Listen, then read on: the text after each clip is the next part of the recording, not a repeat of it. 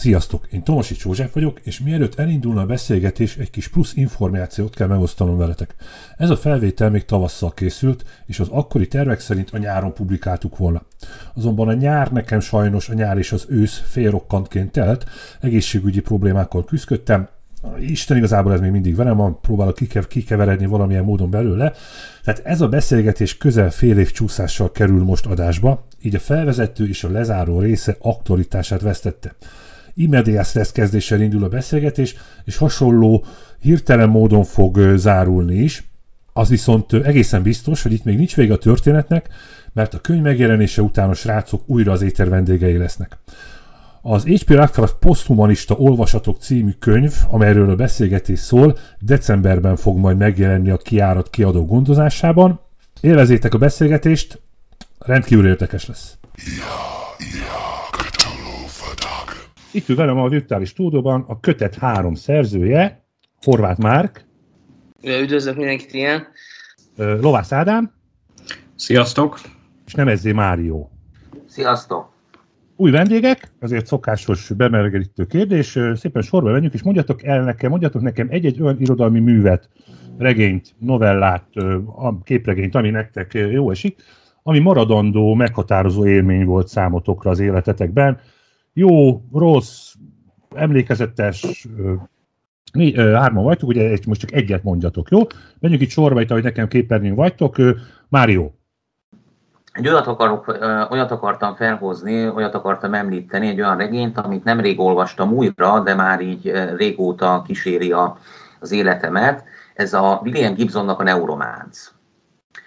És én ezt még valamikor a 90-es évek elején olvastam, amikor először megjelent magyarul a Valhalla hogy kiadónál, és már akkor nagyon nagy hatást tett rám, ez az egész cyberpunk feelinggel akkor találkoztam, és többször új, újra olvastam azóta is, és most nemrég pár héttel ezelőtt, és azt kellett tapasztalnom, hogy hihetetlenül aktuális még most is ez a könyv, és amire legutóbb rácsodálkoztam, tehát ami most egy aktuális felismerés volt, hogy ugye azon túl, hogy itt egy ilyen 80-as évekbeli cyberpunk víziót jelenít meg, tehát már van benne valami, néha anakronisztikusnak is érezzük ezt, most 2020 felől nézve, Ugyanakkor, ami nekem feltűnt és ami miatt izgi volt, hogy a könyv tele van többek között gótikus motivumokkal és például e felől nézve marha izgalmas volt, hogy ez ennek van egy ilyen kibergótikus jellege is. Tehát, hogy az emályok ilyen kísértetszerűek, benne a cybertérnek van egy ilyen túlvilági hangulata, kvázi, és e felől nézve tárultak föl nekem még új vetületei a sztorinak. Mark?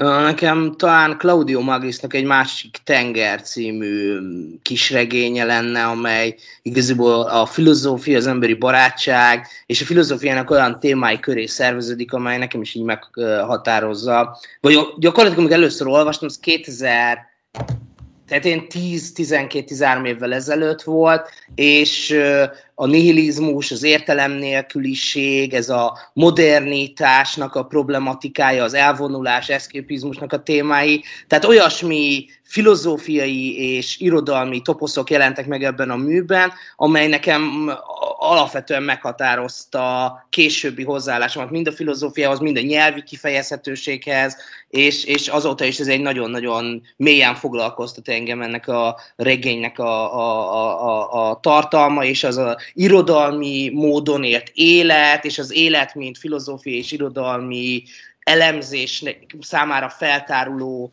gyakorlatilag úgymond nyersanyag, ami kicsit ez a téma itt a Lovecraft kapcsán is majd aktuális lesz, ezek alapvetően határozzák meg így a filozófiai érdeklődésemet. Tehát én ezt a művet mondanám most így. Ádám?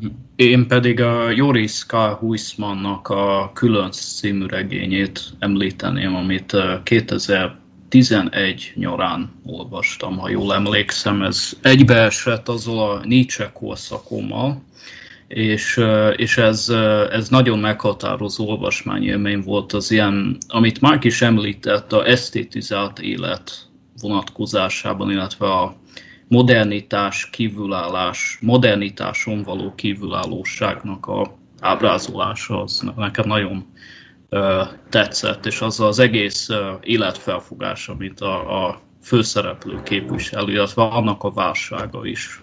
Mert ez nem, nem fenntartható, de nagyon érdekes.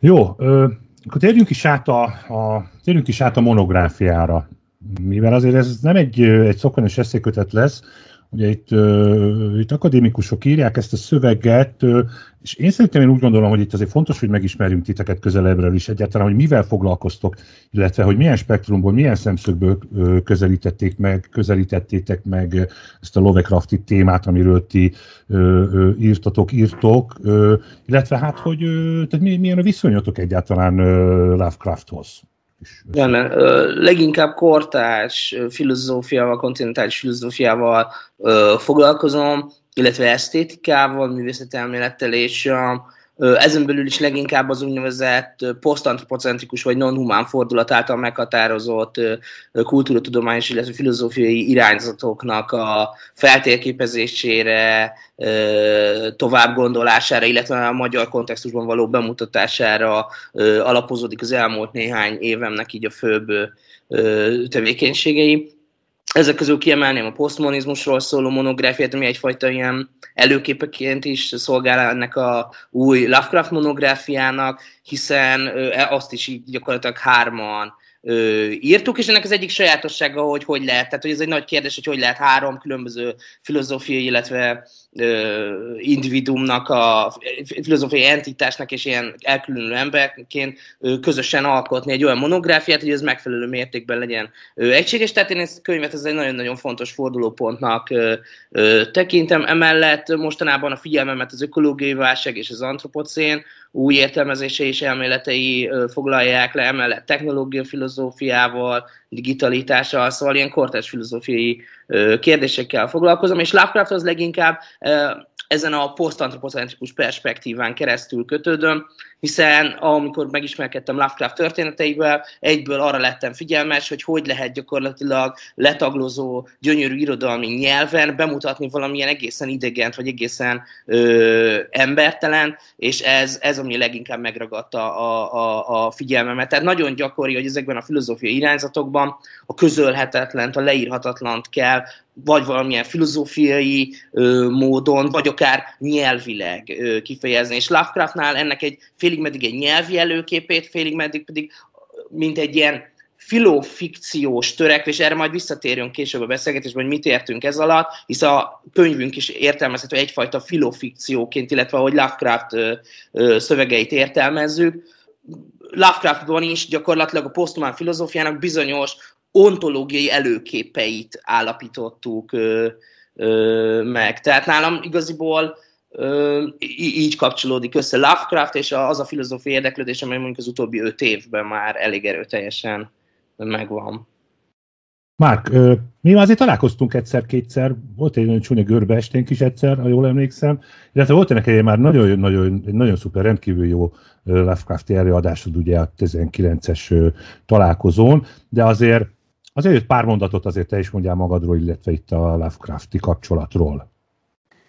Na most nekem azt hiszem, azt fontos megjegyezni, hogy nekem előbb volt a Lovecraft, mint a filozófia, tehát én, nekem a Lovecraft az előbb volt egy meghatározó olvasmányélmény, tényleg így kamaszként 90-es években megint csak utalnék a Valhalla kiadóra, meg az első megjelenéseire a, a magyar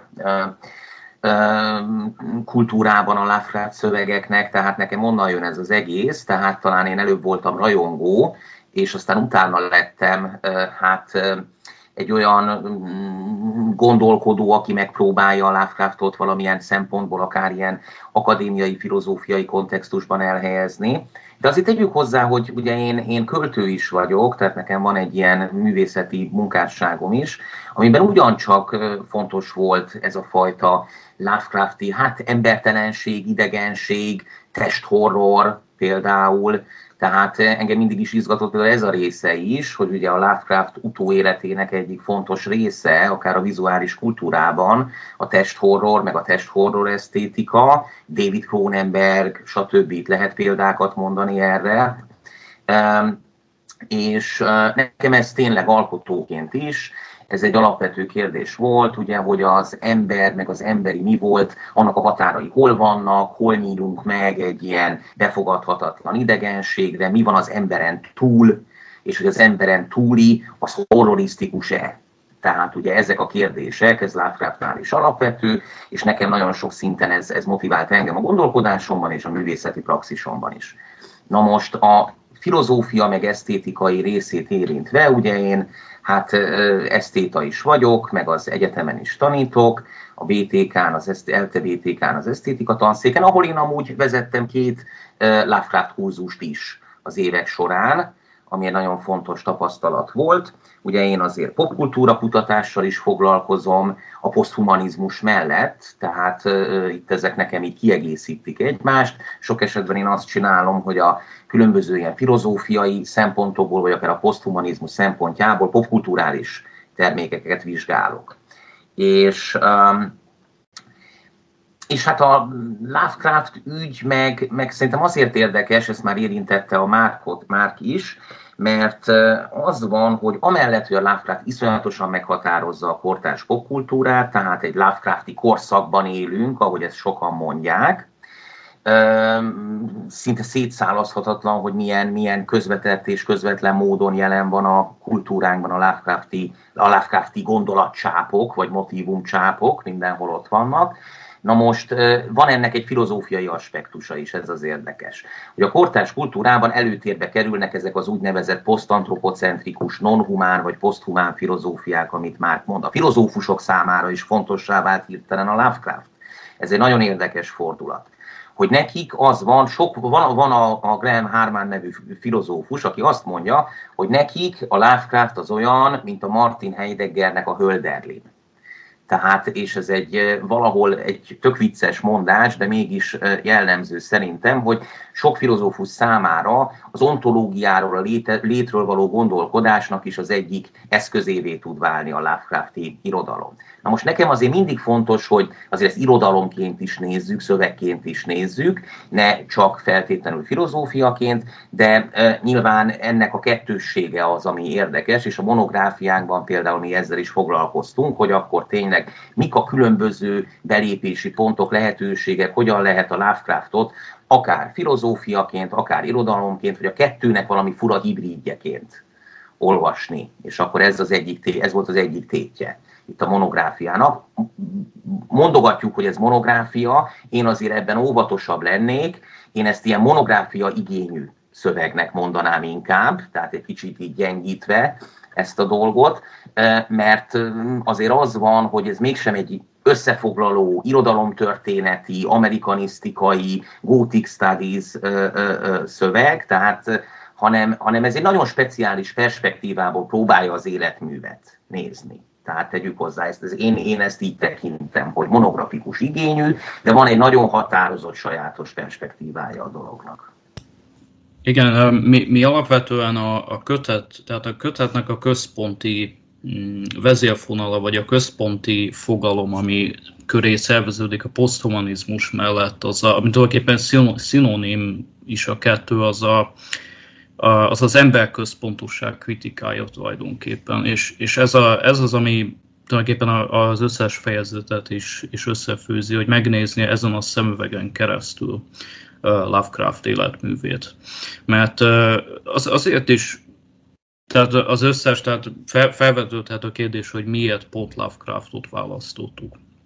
És és azért választottuk, mert nála nagyon reflektáltan jelenik meg az emberközpontúság meghaladásának az igénye. Tehát ő, ő azért egy filozófiai, filozófiai igényű írónak tartom, én személy szerint, aki, aki ez, tulajdonképpen az irodalmat nem alárendelve a filozófiának, ő mégis filozófiai tartalmakat közvetít irodalmi formában. De nem rend, ez nem jelenti azt, hogy a formát bármikor is alárendelné szerintem a, a mondani valónak. És nekem, ne, nekem személy szerint ezért, és szerintem mindannyiunk nevében is tudom ezt mondani, hogy, hogy ezért volt nekünk kiemelten fontos pont Lovecraft, nála nagyon erőteljes ez, ez a törekvés. Azt most megmondom, tehát ebben teljesen biztos lehet, hogy ezt a kijelentésedet a filozófia igényű írónak tartod Lovecraftot, ezt még citálni fogom tőle nem egyszer, nem kétszer, erre majd fogok hivatkozni. Ádám, arról esetleg, hogy te mivel foglalkozol? Igen, én jelenleg az, az ELTE Filozófia Tudományi Intézetében vagyok doktorandusz, és nekem a témáim Mákhoz kapcsolódóan, illetve Márióhoz is kapcsolódóan a posztantropocentrikus filozófiák, de nagyon szertágozó dolgokkal foglalkozok, etika, politika elmélettel is, úgyhogy eléggé, eléggé mindenevő vagyok. A szociológia felül is jövök, tehát engem nagyon érdekel ez a korszak is, ez a 20. század első felének, 19. század végétől az eszmetörténet is. Oké, okay, szuper. Mária, azt, azt említetted, hogy de nem is tartod ezt igazából ezt a, ezt a, könyv, ezt a kiadványt monográfiának, hanem monográfia igényű könyvnek. De azért tisztázzuk le, hogy mit, tehát, hogy mit is akar az, hogy monográfia. Amiről ö, beszélünk, az, vagy amire nyilván ezt most Mário fogja tudni pontosabban, legjobban pontosítani, hogy ő mit értett ez alatt, de amire így gondolhatunk, hogy a klasszikus irodalomtudományban, és főleg a angol, tehát angol nagy monográfia, teszem azt mondjuk Shakespeare-ről, vagy akár mondjuk William Blake-ről, vagy tehát hogy bárkit mondhatnánk egy ilyen nagy klasszikus irodalmi szereplőt, ott gyakorlatilag mind az életrajz, mind a, a mondjuk az irodalmi munkásságban van egy teljességet felölelő ö, igényre való törekvés, és sokszor itt a temporalitás, tehát időbeli ö, ö, ö, haladás történik a könyvön, és maga a könyv fókuszában teljes egészében az adott írónak, vagy az a adott korszak és ö, intellektuális millió, amelyen belül alkotott, tehát vagy ez van a főszerepben, vagy maga az irodalmi életműnek gyakorlatilag a valamilyen szempontok szerinti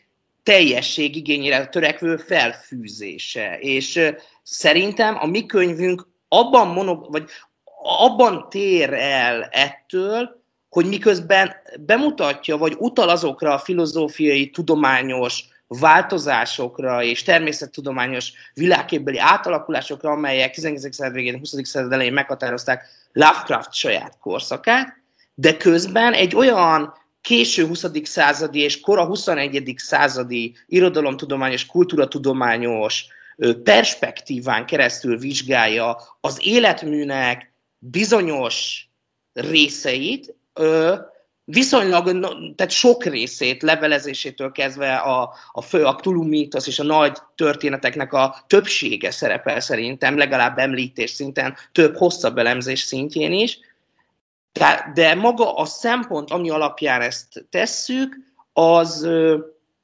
ez a posztantropocentrikus fordulat, kultúratudományos átalakulás, ez a non-humán fordulat, amely igaziból egy retro, tehát rekt, egy retrospektív, ö, ö, ö, visszatekintő elemzési módszerként értelmezhető, és ez egy meglehetősen újszerű szempont. Tehát jelentek meg ilyen könyvek, például egy a poszthumanizmus és Shakespeare kapcsolatáról, illetve mondjuk a ökológiai válság kapcsán történik meg mondjuk az ökogótikus értelmezés egy bizonyos klasszikus gótikus szerzőknek, vagy akár a romantikus irodalom kulcs szereplőinek, de viszonylag, tehát hogy nehéz is volt ezt megtalálnunk, hogy mit nevezhetünk poszthumán irodalomtudománynak, vagy beszélhetünk-e egyáltalán egy ilyenről. Ez, ez sokszor előkerült így, hogy hárman erről így diskuráltunk. Tehát, hogy én azt látom, hogy, hogy igaziból emiatt az, hogy monografikus igény, tehát hogy azt próbáltuk ö, megvalósítani, hogy Lovecraft ö, bizonyos fokon megismerhető legyen, hogy Lovecraft legyen a fókuszban, az ő irodalmi munkássága legyen az a fő összetartó elem, amely a monográfia középpontjában van, de nem mondanánk azt, hogy ez a klasszikus irodalomtudomány, vagy akár, amely, vagy akár az a az az igény, ami mondjuk egy ilyen nagy írónál, mint Lovecraftnál felmerülhet, tehát a teljességre való igény, hogy ezt mi hogy, hogy ez lett volna teljesen a fókuszban. Ehelyett ez a kortárs irodalomtudományi, kultúratudományos perspektíva, maga a poszthumanizmus és a posztantropocentrikus megközelítés az, amely szervezi a könyvet, fejezeteire bontja. Nyilván erre majd vissza is térünk, hogy hogy épül fel. Tehát én e-, ezt mondanám, hogy ezért nem monografikus, hanem monografikus igényű, mert közben pedig megjelenik az, hogy egy általános képet azért kapjunk, és ö, ismerjük meg a Lovecraft főbb irodalmi törekvéseit, és azokat a problémákat, amelyeket ők, amelyek, amelyet őt ö, foglalkoztatták. lehet, hogy kicsit ilyen, ilyen, ilyen paradoxnak tűnik ez, amit így mondok, hogy egyszerre próbálunk egy, egy, egy ilyen összefoglaló képet is adni, de egyszerre viszont ettől a teljességtől, totalizációtól, totalizáció, ez nyilván ez a postmodernben is kicsit benne van, ezek a totalitá, tehát ezek a teljes, ilyen bemutatási igényű, fellépésű szövegek sokszor, nem is azt mondom, hogy gyanúsak, de sokszor kérdéseket vetnek föl, tehát hogy maga egy életművet is lehet egy olyan ilyen szökésvonalakat, vagy egy nyitott ilyen irodalmi térként elképzelni, és igazából, hogyha így állunk hozzá, mi akkor gyakorlatilag ezt a nyitott teret, úgymond egy ilyen mai kortás perspektíva felől szálltuk meg, vagy Lovecraft szállt meg minket, vagy a korunkat, ez is egy jó kérdés, de én valahogy így foglalnám össze, hogy mi, a, mi lehet az, hogy monografikus jellegű, vagy igényű, vagy uh, ahhoz közelítő. Szerintem a Márk azt elég jól összefoglalta most, hogy mire gondolunk. Nyilván ezek, ezek azért elég fluidak, ezek a módszertanilag is, hogy most akkor mitől meddig, hol van, mi a klasszikus monográfia, mi nem, stb. De én tényleg talán azt tudnám mondani, hogy, hogy abban az értelemben nem egy ilyen klasszikus irodalom történeti jellegű monográfia, hogy itt van egy egészen speciális perspektívánk, itt egy adott szemüveg, amin keresztül ezt így végignézzük. Szerintem az olvasó kaphat valamiféle általánosabb képet is az életműről, tehát ilyen igények teljesülhetnek, de azért ez a, ez a kép, amit az életmű egészére vetünk, ez mélyen meghatározza. Azt, hogy mi a Lovecraftot e felől az ilyen retrospektív, poszthumán olvasaton keresztül értjük. Tehát minket az izgat, hogy ő hogyan működik itt előképként, hogyan előlegezi meg, előlegezheti meg ezt az egész poszthumán fordulatot. Tehát mi a jelen felől, talán ez is egy, ez is egy szemléletesebb, szemléletes jellemzője ennek, hogy mi azért hangsúlyozottan a jelen felől nézzük a Lovecraftot, felől, hogy ő mivé vált mondjuk a jelen kultúránkban, és ezt vizsgáljuk, hogy a jelen számára ő milyen impulzus adó, ilyen, ilyen burjánzó hatás motorja a kortárs gondolkodásnak. Tehát talán így lehet ezt le egyszerűsíteni ezt a dolgot illetve itt az idő, idő kapcsán itt a visszaolvasás, előreolvasás, retrospektív értelmezésmódok kapcsán még azt is hozzátenném, hogy ez nem is feltétlenül annyira idegen magának Lovecraftnak a gondolkodásától sem, hiszen nála pont ez a múlt, jelen, jövőnek a néha ezek nagyon egybe tudnak csúszni, vagy a múlt az rettenetes módon túlél a jelenben, és Lovecraft is mintha egy ilyesmi effektus lenne a koltás kultúrában, a koltás filozófiában, hogy ő egy látszólag távoli szerzőként, íróként mégis úgymond ilyen furcsa módon túlél, és sőt újra új, új erővel is hat a, a, a korszellemre. Tehát én, tényleg én, én úgy látom, mint hogyha mondjuk ugye 80-as évek óta, hát az nyilván má, mind, mindenki máshogy hol, hol húzza meg a határ, de mondjuk a 80-as évek óta ex, exponenciálisan megugrott a Lovecraftról szóló utalások, nagyon elte, elburjánzott a kultúrában, és, és ez pont azt mutatja, szerintem nagyon váratlan módon is tudnak ezek a hatástörténeti mechanizmusok működni. Meg tényleg én azt hangsúlyoznám, hogy ugye ez, ez nem szubkulturális már. Tehát, hogy ez egy nagyon fontos része a dolognak, hogy ez nem a horror vagy a weird fiction kedvelőknek a, a, a, a saját világába bezárt története már csak, hanem, hanem értve ezt úgy, hogy ö, ö, nem lehet már a Lovecraftot gettósítani. Tehát nem lehet már ezt így lefolytani valami kis buborékokba, hanem egyszerűen már kirobbant. Tehát, hogy ez már mindenütt ott van még hogyha ezt tudjuk is, meg nem is. ugye ezt mondom, ez, a, ez a, amit idéztem itt ettől a Graham Harman filozófustól, hogy, hogy az hihetetlenül megdöbbentő lehet, hogy, hogy ezt filozófiai traktátusokban kerül elő referenciabázisként. Ez, sokak szá, ez sokakat nagyon zavarba hoz, ez a filozófiai szakmát is zavarba hozza szerintem, mert azért a filozófusok nincsenek hozzászokva, ahhoz, vagy, a, vagy az akadémiai filozófia, hogy hirtelen olyan típusú szerzőkkel kelljen ö, ö, filozófiai igényel dolgozni, akik mondjuk tényleg ebből a spekulatív fikciós világból érkeznek. Azt még elfogadják a filozófusok az egyetemen, hogy na most akkor jó, a filozófia, jó, hát most a Heidegger a Hölderlinről, Paul Celan, Rilke, hogy na jó, hát ezekről beszélgethetünk filozófiai szemináriumokon, de az, hogy hirtelen ott van már a Lovecraft is, szerintem ennek van egy szörnyen felforgató ereje, amihez a szakmának valahogy így ö, ö, ö, ö, valahogy alkalmazkodnia kell. Tehát egyszerűen az van, hogy szerintem most kortárs szinten nem lehet már úgy bizonyos típusú témákról beszélni, hogy, hogy egyszerűen mondjuk ezt a magas kultúra, alantas kultúra, klasszikus dihotómiát, elhatárolást fenntartjuk, hanem hát ez van, amivel kezdtem. Itt van a Gibson, szerintem a kortárs techno kultúráról sem lehet mondjuk a cyberpunk nélkül beszélni, filozófia szinten se, és hát a kortárs ilyen nem humán, posztantropocentrikus vagy antropocén témákról is már egyszerűen megkerülhetetlenné válik akár a, hát a Lovecraft ugye az esetünkben.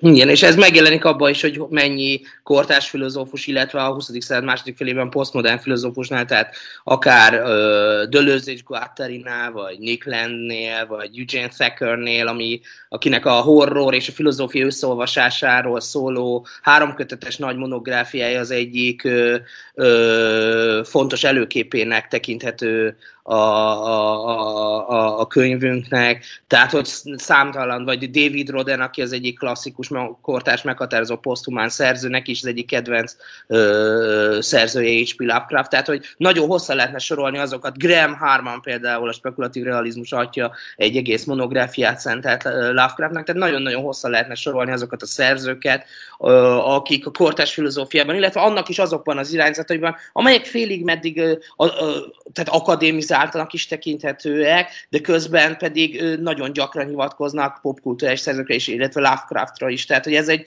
számos előképpen rendelkezik, és az is, az is érdekes amúgy megvizsgálni, hogy, hogy mi az, amelyikben mondjuk közös a mi monográfiánk, és mi az, amiben például eltér ezektől a, az előképektől, akár Harman monográfiát, tehát ez is egy nagyon érdekes szempontrendszer, de az, hogy ahogy a kortes filozófia a párbeszédre képes és bizonyos toposzainak előképeinek tekinti Lovecraftot, ez mindenképpen például példaértékű volt szerintem nekünk. Tehát, hogy ez, ez mindenképpen egy ilyen meghatározó élmény volt, vagy ezt, ezt tapasztaltuk ö, ö, régóta, hogy Lovecraft áthatja a kortárs filozófiának bizonyos irányzatait erőteljesen.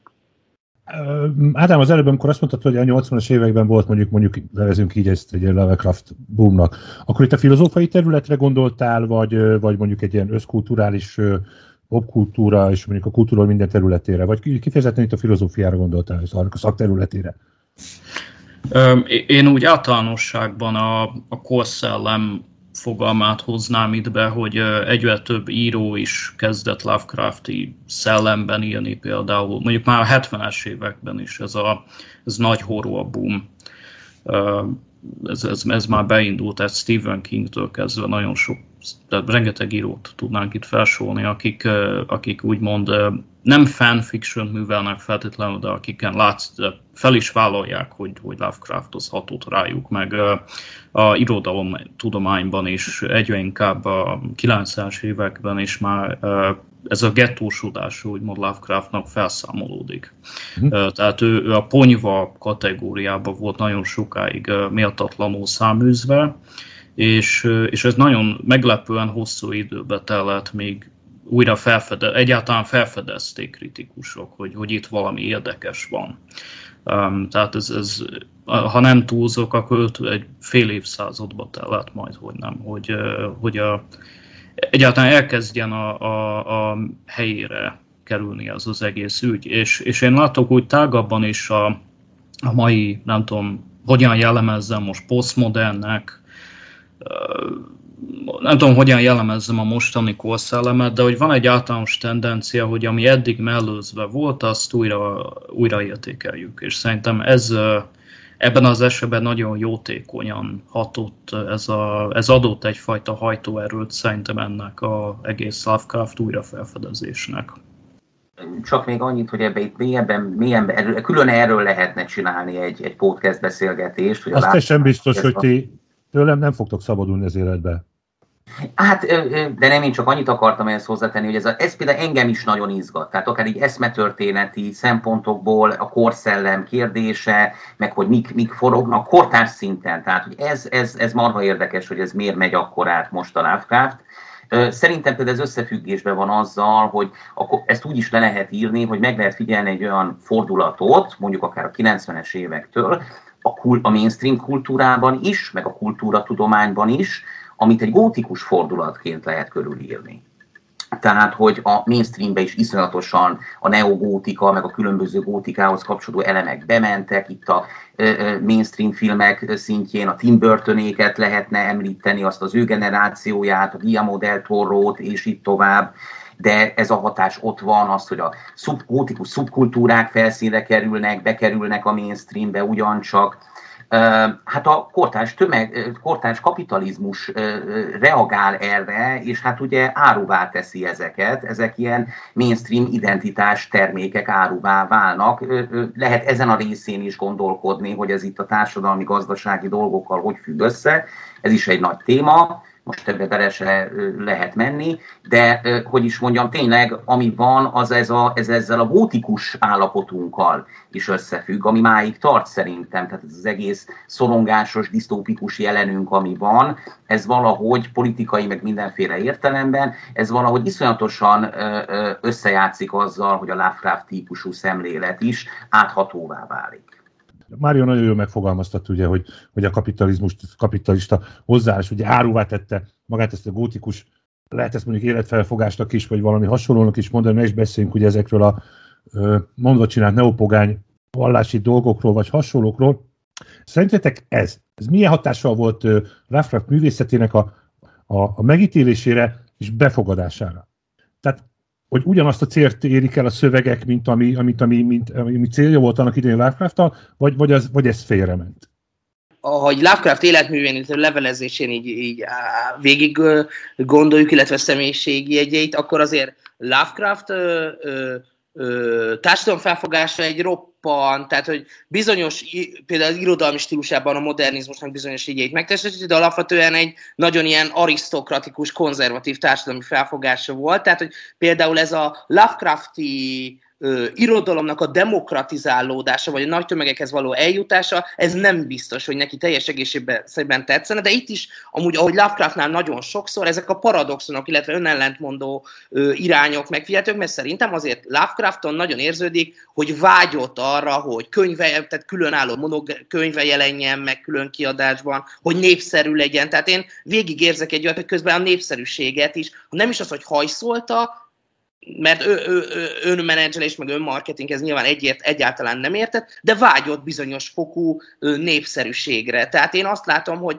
bizonyos, tehát hogy tetszene neki az, hogy nagyon sokra értékelni ezeket a irodalmi klasszikus sorozatokba bekerülő egy-egy könyvét, amikor egy ilyen klasszikus nagy kiadó adja ki a, és nem tudom, hogy az Oxford vagy melyik, de egy ilyen nagyon jeles kiadók adják ki, külön kiadásként ilyen klasszikus könyveket. Szerintem ezt például nagyon nagyra értékelni, az, hogy például mondjuk a, a, ez, ami most volt az a tévésorozat, az Lovecraft Country, hogy ezzel mit tudnak kezdeni, ez már egy teljesen más kérdés, de szerintem ez a, a demokratizálódási folyamatot, ez, ez biztos, hogy ilyen kultúrkonzervatívként valahogy szerintem kritizálná alapvetően. Tehát, hogy azt mondja, hogy ez a rejtett ilyen üzenete a műveinek, ezzel nem is elvész, de degradálódik és háttérbe szorul, és ezek a ö, tehát ezek a kicsit ezek a monster, vagy ezek a szörny ö, szörnyek, akik látszik, hogy túlból ilyen figurákat, meg ilyesmiket is gyártanak, tehát ezek, ezek veszik át így a, a úgymond a titoknak, vagy a, a központi gondolatnak a, a helyét. Ez, ez teljesen egyértelmű, én szerintem erre vágna, hogyha meglátná, hogy most uh, mi, mi folyik, tehát hogyha az ő véleményét nézik. És igaz, lehet, hogy én fogalmaztam rosszul. Engem az érdekelne, hogy a ti véleményetek szerint, hogy, hogy ez a folyamat, ez jó, vagy, vagy, vagy, vagy nem jó, és ez jó irányba halad-e, vagy sem. Tehát ez a popularizációja, hogy, hogy kilugozódik-e az ő, az ő eszenciája e, e, ebből így, hogy, hogy ennyire a mainstream felé halad, vagy sőt, hát már, már csúcson van. Hát szerintem ez egy azért nehéz kérdés, hogy most jó felé vagy rossz felé halad. Ugye ez most itt, ez már egy értékelési szem, értékelő szempont, erről tudunk így, szerintem mindenki tud itt szubjektíven nyilatkozni. Nagyon hogy igen, én, én azt gondolom, hogy most hogy nagyon sok olyan dologot is eredményez ez, ami akár mondjuk a Lovecraft életmű szempontjából, vagy akár a Lovecrafti esztétika, meg irodalom öröksége szempontjából, ez ennek van egy felhajtó ereje, meg egy pozitív oldalát. Csak amiről beszélünk, egyszerűen belekerül egy olyan kulturális diskurzusba is, ami akár olyan mélységekig is be tud hatolni ebbe a világba, vagy ezekbe a szövegekbe, ami korábban mondjuk nem volt lehetséges. Tehát, hogy ez erre felé is mehet. Aztán, hogy most mennyire ez a mainstreamizálódás, most mennyire banalizálja például a Lovecraftot, az meg egy másik kérdés. De én azt gondolom, hogy ennek kapcsán ugye azt is afelől kell el, azt kell eldöntenünk, hogy mi most azt gondoljuk-e, hogy van a Lovecraftnak valami egészen pontosan meghatározható ilyen, ilyen eszenciája. Hogy van egy olyan, hogy autentikus Lovecraft, és mondjuk ez az autentikus Lovecrafti üzenet, ez sérül-e ez, én azt, én, én óckodnék amúgy, mi itt a könyvünkben próbálkozunk ezzel, hogy ezt így körülírjuk, hogy mi lehet itt a, az üzenet, vagy mi lehet itt a titok, tehát mi ezzel foglalkozunk, de azért én speciál azt gondolom, hogy, hogy adott esetben fontosabb az, hogy ezek a, ez a kommunikáció, ez inkább a, a, a tehát, hogy, hogy az az izgalmasabb, hogy hogyan tud ö, ö, vírusosan megfertőzni és, és új dolgokat létrehozni. Tehát szerintem ez, ez, ez a fontosabb része annak, mint hogy mondjuk valami ilyen Lovecraft konzervátorként, vagy ortodox Lovecraftiánusként most óvjuk azt a, azt az életművet valamiféle ilyen, ilyen múzeumi környezetben. Szerintem izgalmasabb, hogyha, hogyha tényleg az élő, történő kultúra meg művészet részévé válik úgy, akár annak árán is, hogy kisajátítódik, meg átalakul. Hát most itt mi akadnak ki a Lovecraft? Hát a Lovecraft country kiakadna, de politikai szempontokból és esztétikai szempontokból akadnak ki, mert ott egy nagyon erős dekonstrukció, kisajátítás megy sok szempontból, de hát erre lehetne ezer példát mondani a Clive Barkertől kezdve, aki így ilyen módon akár hogy is megint csak mondom, politikai szempontokat mozgósítva is átírja a Lovecrafti hagyományt. Én ezt, hogy ez lehetséges, és hogy így hat szerzőkre, én ezt a Lovecrafti örökség életerejeként, vagy vitalitásaként értékelem. Tehát, hogy szerintem minél szerteágazóbb, a, a kortárs diskurzus, minél több minden van, annál az, az, az alapvetően pozitív, mert ezt az erejét jelenti. Azt, azt mutatja, hogy életerős ez az örökség, van egy vitalitása, lehet, hogy ennek az ára, hogy megjelennek ilyen banalizálások is, de szerintem ez izgalmasabb az, hogy, hogy a, hogy a mm, túlú igazából e, e, legyőzhetetlenül e, tör előre a vízfelszín alól. Igen, és a, és a Cthulhu neve legyőzhetetlenül beépült, és azonosítva van Lovecraft művészetével.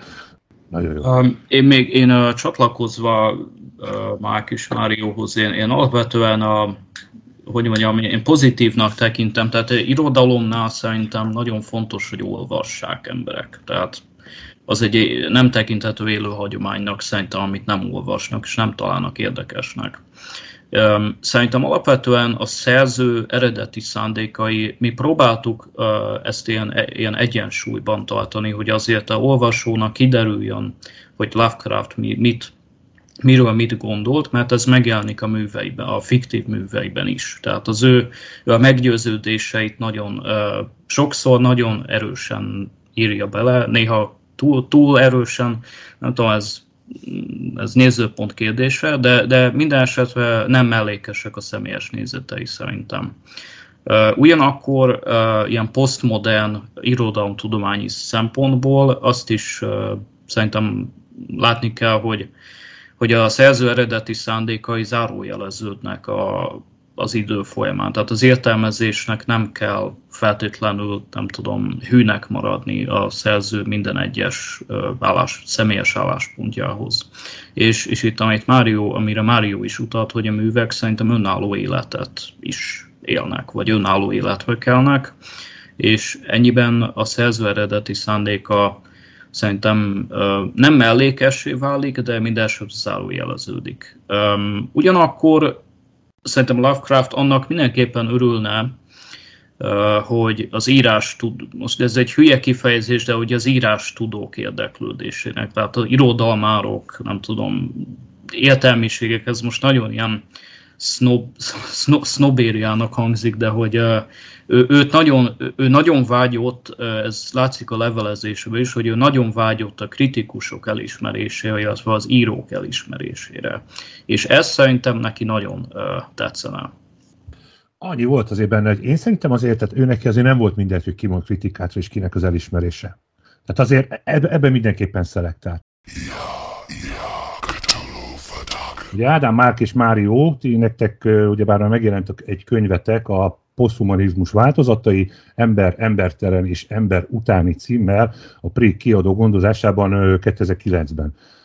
Ugyebár ez a könyv bemutatja a poszthumanizmust és annak különböző irányzatait. Nos, mivel hát kapcsolódik a témához, tehát illetve ugye a könyvhöz, a monográfiához, nem tudjuk megkerülni ezt a kérdést, és hát valakinek összefoglalóan röviden be kell mutatnia, hogy mi a poszthumanizmus, mit kell ez alatt érteni. Nyilván most erről írtatok egy könyvet, ezt most itt öt mondatban elmondani nem lesz egyszerű, valaki esetleg vállalja fel ezt. Mit kell tudni a poszthumanizmusról, mi az? Mm, jó, akkor hát igazából a poszthumanizmus egy olyan filozófiai és kultúratudományos irányzat, amelynek, ahogy a könyvünk címben is látszik, hogy számtalan változata van, amelyek egymással párhuzamosan és egymással félig meddig versenybe lépnek föl a kortárs kultúratudományban és filozófiában. És a poszthumanizmus alapvetően arra vállalkozik, hogy a modernitás során a klasszikus humanizmus szövege, illetve filozófiai irányzatai során rögzült emberképnek, egyfajta dekonstrukcióját és kritikai olvasatát adják. A kortás technológiai, biológiai, természettudományos, illetve a média és a kulturális változások közepette. Tehát azt állítja, hogy az az emberkép, amelyel mondjuk a 17-18. század klasszikus filozófusai, vagy 19. század klasszikus gondolkodói dolgoztak, és amely mondjuk megjelenik sok olyan akár kortás politikai, társadalomelméleti, akár szociológiai szövegekben, az alapvetően a múltban jött létre, és ma a kortás technológiai kihívásokkal szembenézve nem állja meg ö, helyét, és ehelyett egy, nyitottabb, komplexebb, a non-humán valóságra, illetve az ember fogalmát ö, ö, ö, lényegesen nyitottabban kezelő ö, ö, fogalomhálót hoz ö, létre, és mindebben a, a, a, a posztumán projektben különböző mértékben ö, vesznek részt. A poszthumanizmus olyan irányzatai mondjuk, mint a kritikai poszthumanizmus, vagy a spekulatív poszthumanizmus, de ide kapcsolódik félig meddig az ökológiai válság, vagy az antropocén, amely maga a földrendszer működésének adja egy ilyen radikálisan dehumanizált gyakorlatilag leírását, egy ilyen rendszerelméleti, komplexitás elméleti megközelítést, amely az emberi jelenlétet ö, ö, nagyon jelentékteleníti és ö, ö, alapvetően tehát valami ilyesmi projekt a része, vagy ez a, ez a központi ö, iránya magának a, a, a, a poszthumanizmusnak, de fontos kimondani, hogy ez egy alakuló, formálódó irányzat, nagyon-nagyon sok cikk, eszé, kötet jelenik meg különböző nyelveken erről, tehát ez egy felfutóban lévő, tehát ahogy mondtuk, hogy mondjuk a, a, hogy egy Lovecraft esemény, vagy a Lovecraft korában élünk, ez elmondható, hogy alapvetően a poszthumanizmus lezajlásának vagy alakulásának korszakát is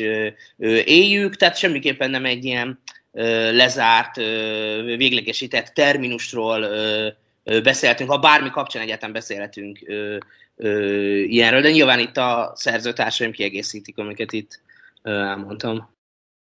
Szerintem fontos hozzátenni, hogy, a, ami, hogy mi a közös az összes poszthumanista irányzatban. Tehát ahogy Márk is utalt, utalt rá, alapvetően nagyon sokféle irányzatra tagolódik a poszthumanizmus, ideológiailag, politikailag is nagyon eltérőek egymástól. Én úgy látom, hogy ami közös mindegyikben az az, az igény, hogy úgy beszéljünk a világról, a társadalomról, hogy több, mint emberi. Tehát, hogy a, hogy az ember, hogy a világ az nem, a, nem az emberért létezik, nem az ember érdekében. Az ember nem egy kiemelkedően lételméleti szempontból nem, nem kiemelkedően fontos uh, állatfaj az ember tulajdonképpen.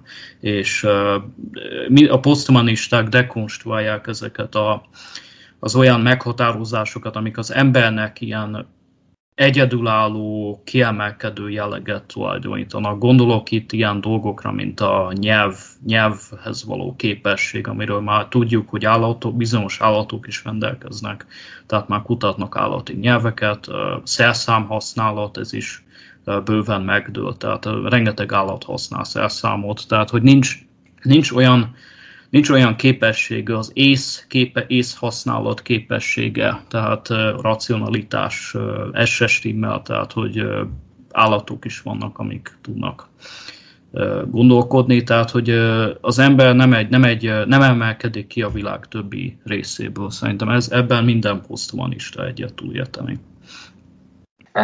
Az egy érdekes jelenség a poszthumanizmus kapcsán, hogy talán az a az a része megelőzte, tehát itt a, kult, a filozófiai felbukkanását, vagy a filozófiai trendé válását a poszthumanizmusnak, hogy mondjuk a kultúra bizonyos területein, a művészetben, a legkülönbözőbb ilyen futurológiai spekulációkban, filmekben, itt-ott ez a gondolat, mondjuk akár a transhumanizmusnak a gondolata, az már nagyon korán jelen volt, akár a 20. században. Az a dolog, hogy, hogy igen, hogy a technológiai fejlődés során elérkezünk egy olyan állapothoz, egy szinthez, mondhatjuk ezt technológiai szingularitásnak, vagy bármi másnak, ahol az ember valójában hát gyakorlatilag a, saját, a technológiai fejlettség miatt birtokába kerül a saját evolúciójának tehát ezt, ezt a transhumanista irányzat, ami a, megint csak a, ugye a poszthumanizmusnak az egyik irányzata, ő képviseli ezt. Itt ugye ez, ez az az állapot, amikor megjelennek a, ugye a mesterséges intelligenciáknak a kérdése, hirtelen érdekessé válik, a kiborg probléma, a, a, a tudatfeltöltés kérdése, hogy élünk a, a test után, van-e ember a test után, vagy mi az, lehet, hogy az már nem ember, ami a test után feltöltött tudatként létezik, és így tovább. Hogyan olvadunk össze a mesterséges intelligenciákkal, akkor már beszélhetünk-e humán létezőkről, vagy nem. Ez azért már nagyon korán, már ott az 50-es, 60-as években, meg akár ott előtte, ez a, a, az információs társadalom hajnalán megjelennek ezek a spekulációk. A science fiction élen járt ebbe, és hogy most egy kicsit így visszadobjuk, a, visszavezessük a gondolatot ugye a Lovecrafthoz, meg a spekulatív fikcióhoz, a spekulatív fikciós műfajok, a, a, a science fiction-től tényleg a horrorig, meg a legkülönbözőbb mutációi ennek, azok élen jártak az ilyen spekulációban, és ez visszahatott aztán a, a, a filozófiára is, a tudományra is, és így tovább. Tehát, hogy hogyan, az, hogy szerintem ennek a legelső nagyon erős víziói, azok mégiscsak az irodalomban, meg a művészetben jelentek meg, és ez aztán iszonyatosan megtermékenyítővé vált később. Most azt a pillanatot éljük, hogy egyszerűen ezek a víziók valójában, ezek már nem egyszerűen jövő víziók, nem lehet őket leválasztani puszta álmodozásként vagy vágyteljesítő dologként, hanem ez a jelenünk. A, poszt, a, a, a poszthumanizmus az a jelenünk. Igazából ez egy nagy felismerés amit szerintem itt az ezredforduló után végig söpört a, a, a világon, vagy egyes gondolkodók esetében ez megjelent, hogy, hogy, hogy, ez, hogy nem, nem, ez nem, nem úgy science fiction, hogy egy jövőbeli utópia, hanem ez az utópia realizálódása, hogy mi már most ott vagyunk, hogy egyszerűen a, a, a, a, el kell gondolkodnunk, nem tudjuk megúszni a nem emberiről való gondolkodást, mert a saját emberségünk is már radikálisan kétségbe vonódott. A monográfia hogyan épül fel? Milyen, egyáltalán milyen irányból közelítettétek meg uh, Lovecraftot, művészetét, és uh, ugye, ha jól tudom, ugye foglalkozik a könyv az életével is. A, a, az egész monográfia ötlet ez ilyen három, két-három éve, három éve merült fel körülbelül, és maga a, tehát már a posztmonizmus változatai megalkotása során előtérbe került, illetve már jó több kurzus is tartott a, az esztétika tanszéken H.P. Lovecraft ö, ö, kapcsán, tehát hogy ez már ez, ez a tudományos vizsgálódás és a posztmonizmus és Lovecraft kapcsolatának a felfedezés, ez egy, már egy több évre húzódik vissza, és ez a könyv megírása, ez igaziból szerintem egy egy-másfél éves időszak volt, tehát egy relatíve hosszú szakasz volt, és párhuzamosan ö, írtuk, tehát, hogy egyszerre dolgoztunk ö, ezen. Ahogy a korábbi könyvünkben így sem tüntetjük fel, hogy melyik fejezetet ki, hiszen együtt át is dolgoztuk, át is néztük, és reflektáltunk egymásra. Tehát egyszerre volt mindenki, mindenkinek a nyilván itt megvoltak azok a, tehát egy hosszú egyeztetés folyamat volt, amíg kitaláltuk, hogy mik legyenek azok a főbb csomópontok, illetve tematikus szálak, amelyek fel tudjuk fűzni az egész kötetet. Tehát a könyv az hat fejezetből és egy hosszabb bevezetőből áll. A bevezető tartalmaz egy hosszabb leírás Lovecraft, tehát maga a kötet, hogy miről próbál szólni, Lovecraft aktualitás illetve egy, ott egy ilyen hosszabb ilyen életrajz bemutató is ö, szerepel, majd pedig az adott fejezetekben úgy próbáltunk a könyvet felépíteni, hogy Lovecraft több klasszikus novellái is előkerüljön a különböző fejezetekben, tehát arra is próbáltunk, hogy mondjuk ne a túlhívás, az például ne a hat fejezetben hatszor legyen részletesen bemutatva. Így nyilván az is egy fontos döntés volt, hogy úgy járunk el mondjuk, mint a Graham Harman, vagy egy másik, most nem jut eszembe, egy ilyen postmodern Derrida hatására írt Lovecraft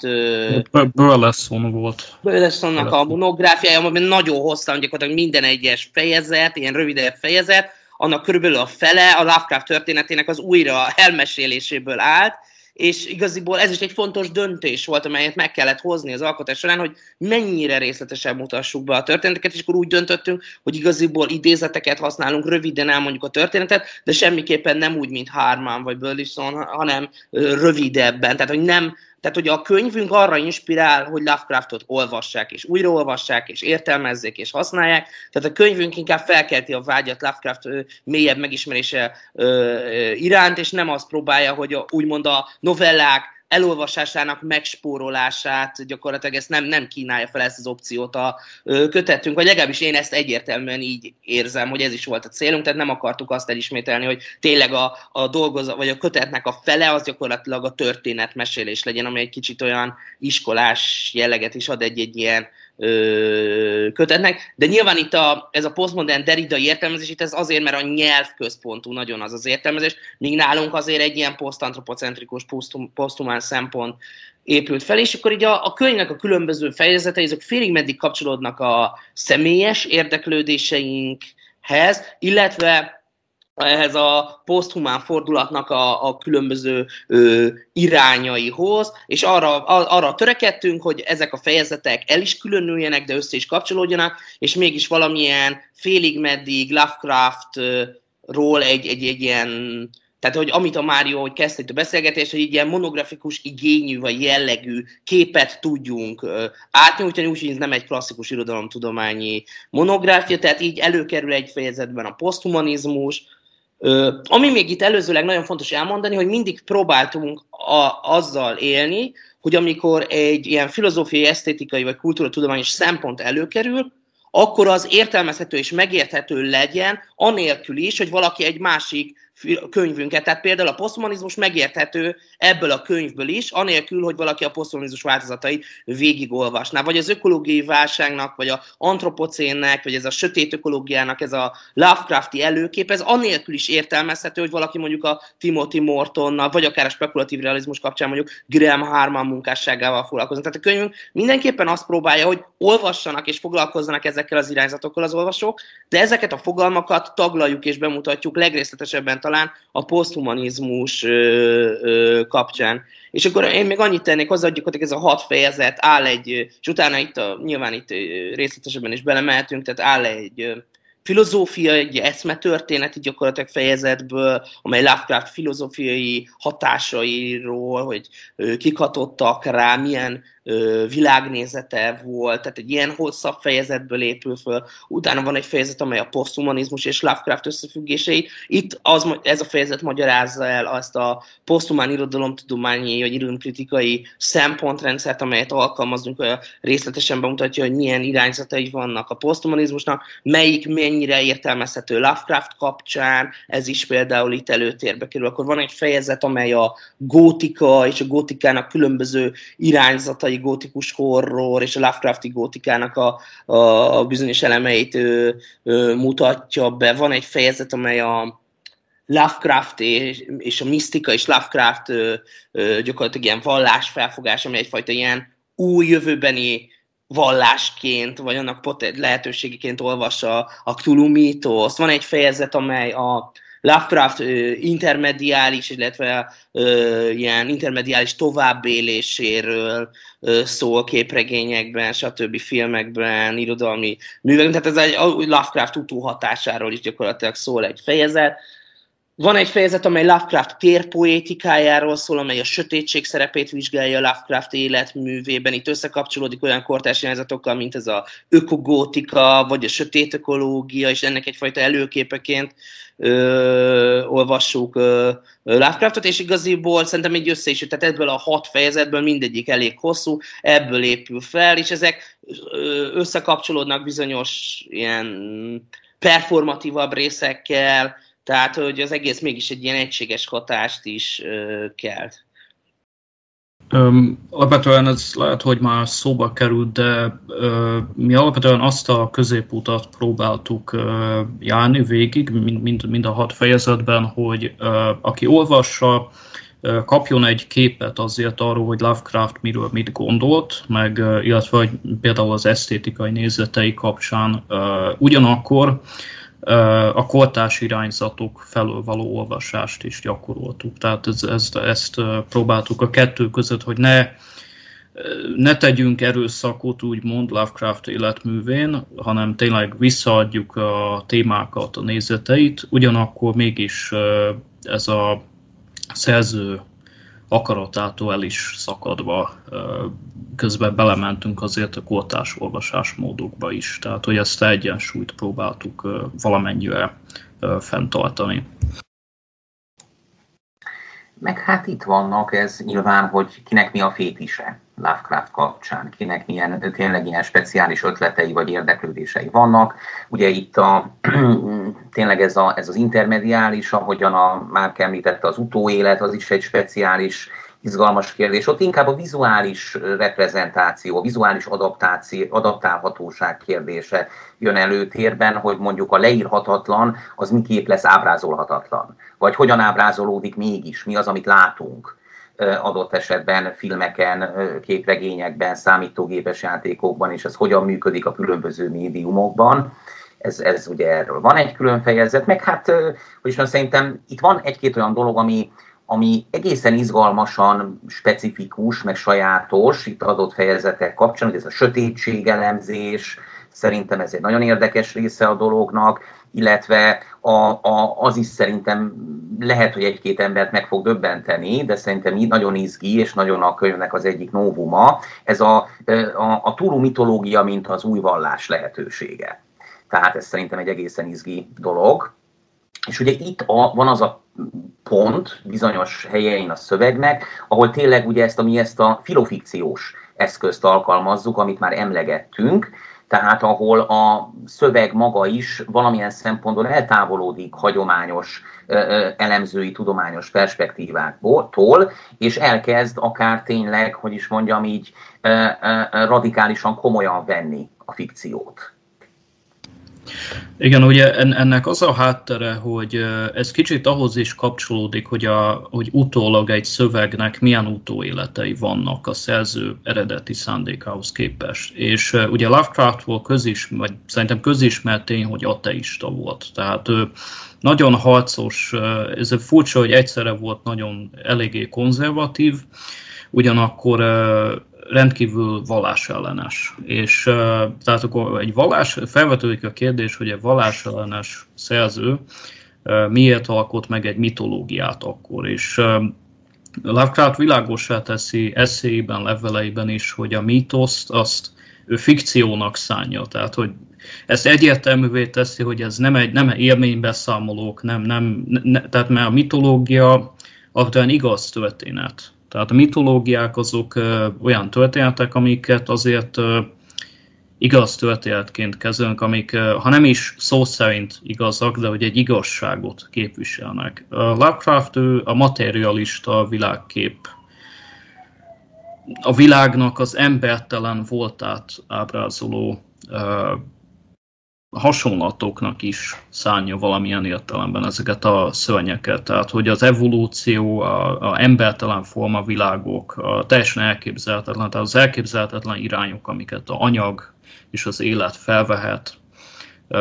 Tehát ő ezeket ilyen nem, nem vallási mitológiának szánja. És ehhez képest a 70-es évek óta, hogyha jól emlékszem, 80-as, 80-as 70-es évektől kialakul egyfajta Lovecraft okkultizmus, ami ezeket tényleges vallási szövegekként kezeli, hogy a Cthulhu hívása, stb. Ez a Cthulhu mítosz novellái azok tényleges vallási iratok, és ezek nem tudom, tartalmaznak ilyen szent neveket, meg különböző ilyen okkult neveket, amiket tudunk használni, tehát mágiában használható. Tehát a Lovecraft teljesen kikészülne egy ilyen fajta használatmódtól, de, de mégis ténylegesen létez, állítólag egy létező tendencia az okult, a Lovecraft okkultizmus, és elég kiterjedt irodalma van, tehát ezeket is felhasználtuk itt ebben a, a mitológia fejezetben, és,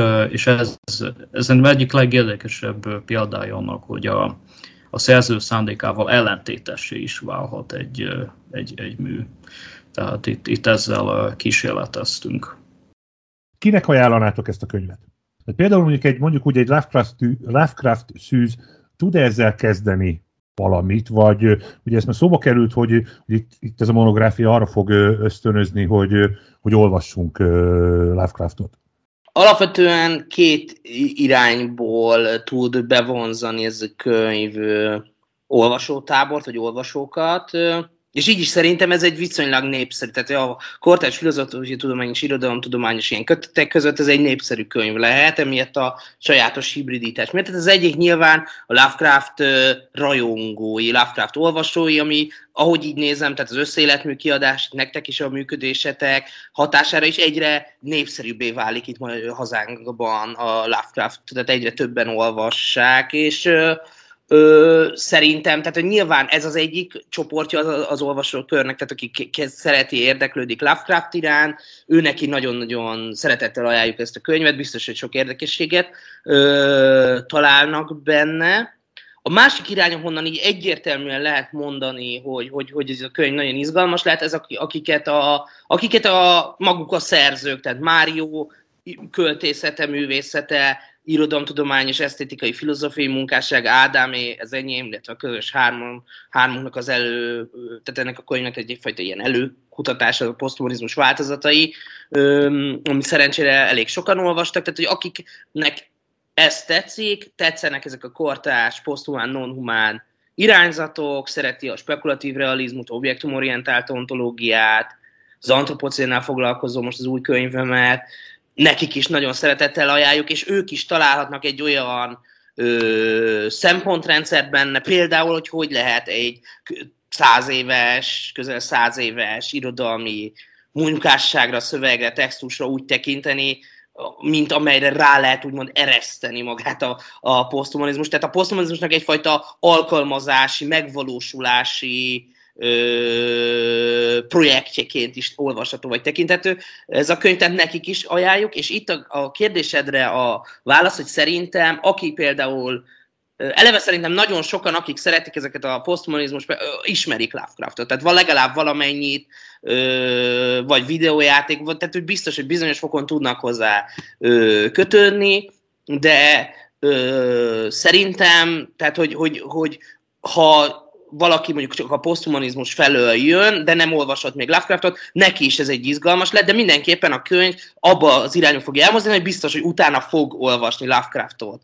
Tehát, hogy a Lovecraft olvasást azt egyáltalán nem lehet megkerülni ezen a köteten keresztül, de mint egy ilyen kis kapu, vagy egy ilyen ö, nyitány gyakorlatilag a, a, a Lovecraft szűz olvasók felé, így is használható ez a, ez a kötet, de nyilván sokkal jobban használható és értelmezhető azoknak, akik olvasták és ismerik ezeket a novellákat, és akik úgymond hagyták magát a Lovecrafti szövegeket így hatni saját magukra. Tehát a szövegünkben van egy ilyen, hogy ez a hogy maga ez a, a, a, a, a, az ember központi helyének elvesztése, ez egy ilyen megrendítő élmény, amelynek vannak esztétika sajátossága is, tehát hogy ezért mindig izgalmasabb, hogyha ez valaki személyesen is megélte Lovecraft olvasása közben, és úgy nyúlni a, a könyvhöz. Tehát ö, ö, mindenképpen szerintem jobb az, hogyha valaki olvasott már Lovecraftot előtte, de aki érdekli a mi személyünk, illetve a poszthumanizmus, nekik is bátran ajánljuk ezt a ö, könyvet, de akik általánosabban például a horror felől, tehát más horror szert, tehát általánosabban a horror irodalom, vagy a horror érdekli őket, horrorfilm, nekik is ez egy izgalmas könyv ö, lehet. Élvezetesre próbáltuk nyelvileg például megírni, tehát hogy követhető, de azért, hogy ilyen szép is, és, és nyelvileg is izgalmas legyen a szöveg, szerintem erre törekedtünk. Hát én nagy részt egyetértek a Márkkal, itt a, például abban is, hogy ugye milyen irányokból lehet olvasókat várni, ez valószínűleg valami én is hasonlóra számítok, de ugyanakkor nyilván ez egy tök nehéz dolog, ha megnézzük itt Magyarországon is az olyan típusú könyvek, meg szövegek, amik mondjuk popkultúra kutatással foglalkoznak, vagy olyan témáik vannak, amik mondjuk tömegkulturális, popkulturális eredetűek, de ezeket próbálják valamiféle tudományos nyelven, tudományos keretben tárgyalni.